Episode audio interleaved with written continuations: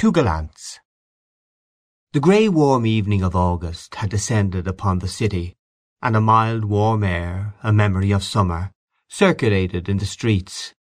The streets, shuttered for the repose of Sunday, swarmed with a gaily coloured crowd. Like illumined pearls the lamps shone from the summits of their tall poles upon the living texture below which, changing shape and hue unceasingly, sent up into the warm grey evening air an unchanging, unceasing murmur. Two young men came down the hill of Rutland Square. One of them was just bringing a long monologue to a close.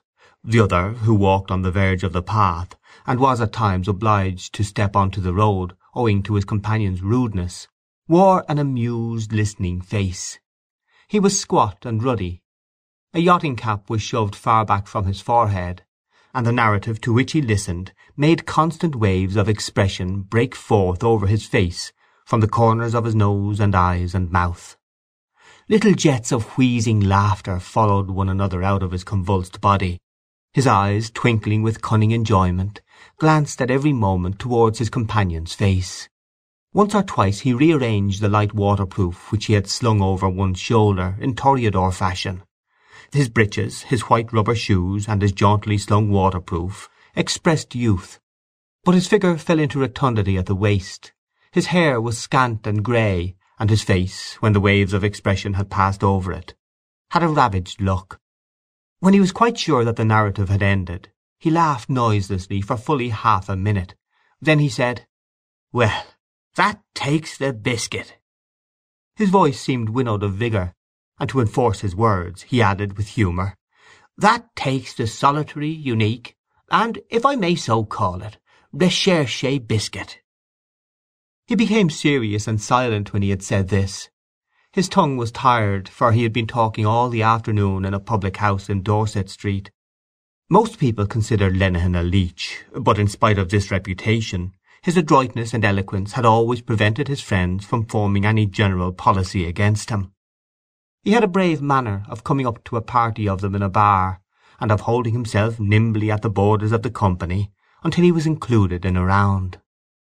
He was a sporting vagrant, armed with a vast stock of stories, limericks, and riddles. He was insensitive to all kinds of discourtesy. No one knew how he achieved the stern task of living, but his name was vaguely associated with racing tissues. "And where did you pick her up, Corley?" he asked. Corley ran his tongue swiftly along his upper lip.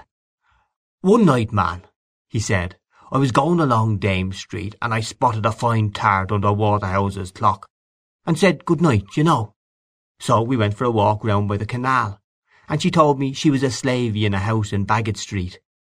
I put my arm round her and squeezed her a bit that night. Then next Sunday, man, I met her by appointment. We went out to Donnybrook, and I brought her into a field there. She told me she used to go with a dairyman. It was fine, man. Cigarettes every night she'd bring me, and paying the tram out and back.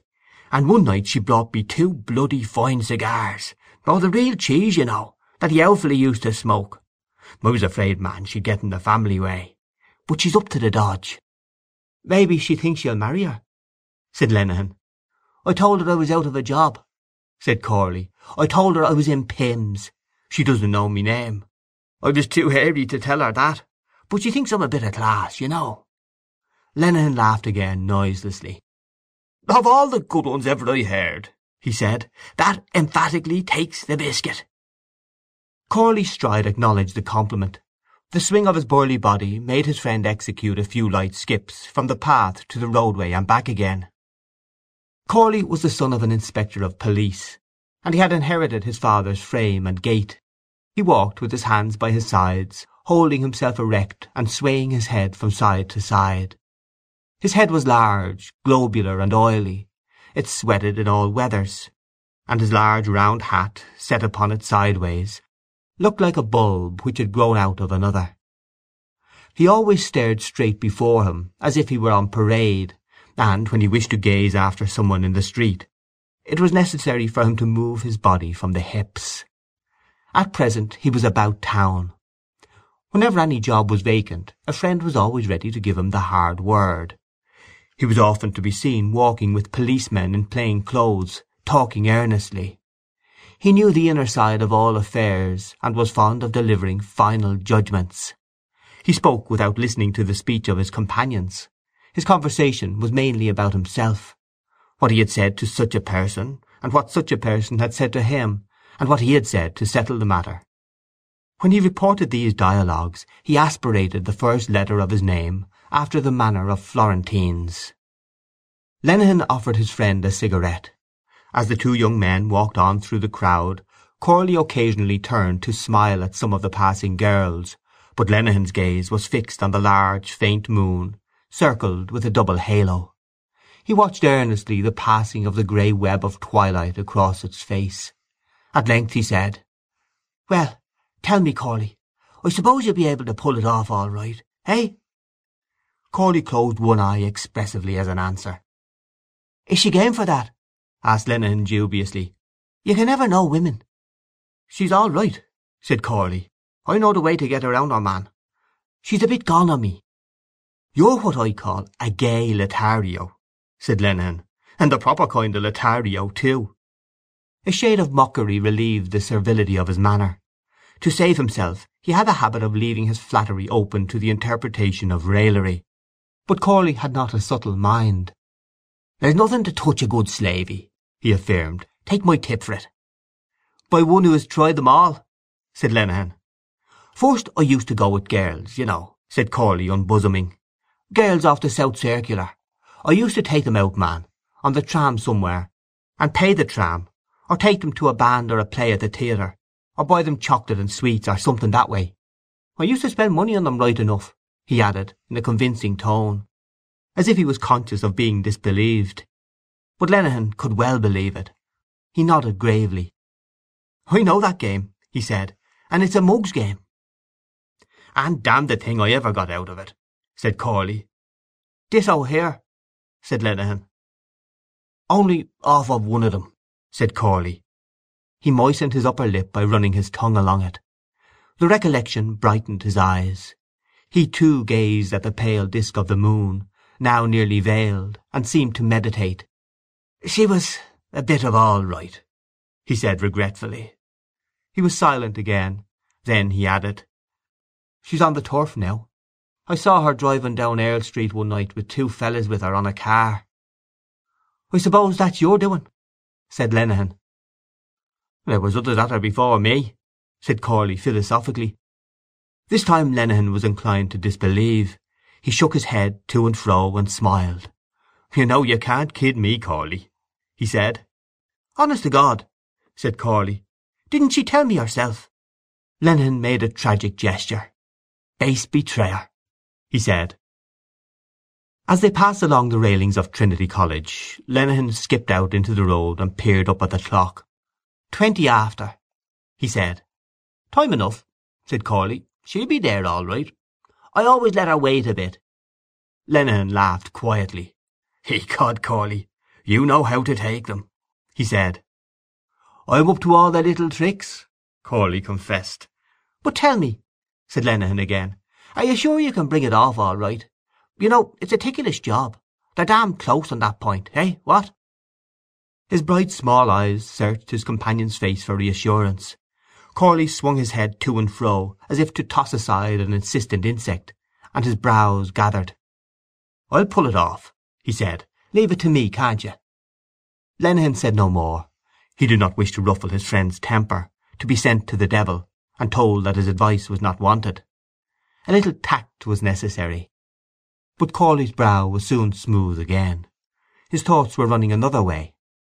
"She's a fine decent tart," he said with appreciation. "That's what she is." They walked along Nassau Street, and then turned into Kildare Street. Not far from the porch of the club a harpist stood in the roadway, playing to a little ring of listeners. He plucked at the wires heedlessly, glancing quickly from time to time at the face of each newcomer, and from time to time wearily also at the sky. His harp, too, heedless that her coverings had fallen about her knees, seemed weary alike of the eyes of strangers and of her master's hands. One hand played in the bass the melody of Silent, O Moyle, while the other hand careered in the treble after each group of notes. The notes of the air sounded deep and full. The two young men walked up the street without speaking, the mournful music following them. When they reached Stephen's Green they crossed the road. Here the noise of trams, the lights, and the crowd released them from their silence. "There she is," said Corley. At the corner of Hume Street a young woman was standing. She wore a blue dress and a white sailor hat. She stood on the curbstone, swinging a sunshade in one hand. Lenehan grew lively. "Let's have a look at her, Corley," he said. Corley glanced sideways at his friend, and an unpleasant grin appeared on his face. "Are you trying to get inside me?" he asked. "Damn it," said Lenehan boldly, "I don't want an introduction. All I want is to have a look at her. I'm not going to eat her." "Oh, a look at her," said Corley more amiably. "Well, I'll tell you what. I'll go over and talk to her, and you can pass by." "Right," said Lenehan. Corley had already thrown one leg over the chains when Lenehan called out: "And after, where'll we meet?" "Half ten," answered Corley, bringing over his other leg. "Where?" "Corner of Merrion Street. We'll be coming back." "Work it all right now," said Lenehan in farewell. Corley did not answer. He sauntered across the road swaying his head from side to side. His bulk, his easy pace, and the solid sound of his boots had something of the conqueror in them. He approached the young woman and, without saluting, began at once to converse with her. She swung her umbrella more quickly, and executed half-turns on her heels. Once or twice when he spoke to her at close quarters she laughed and bent her head.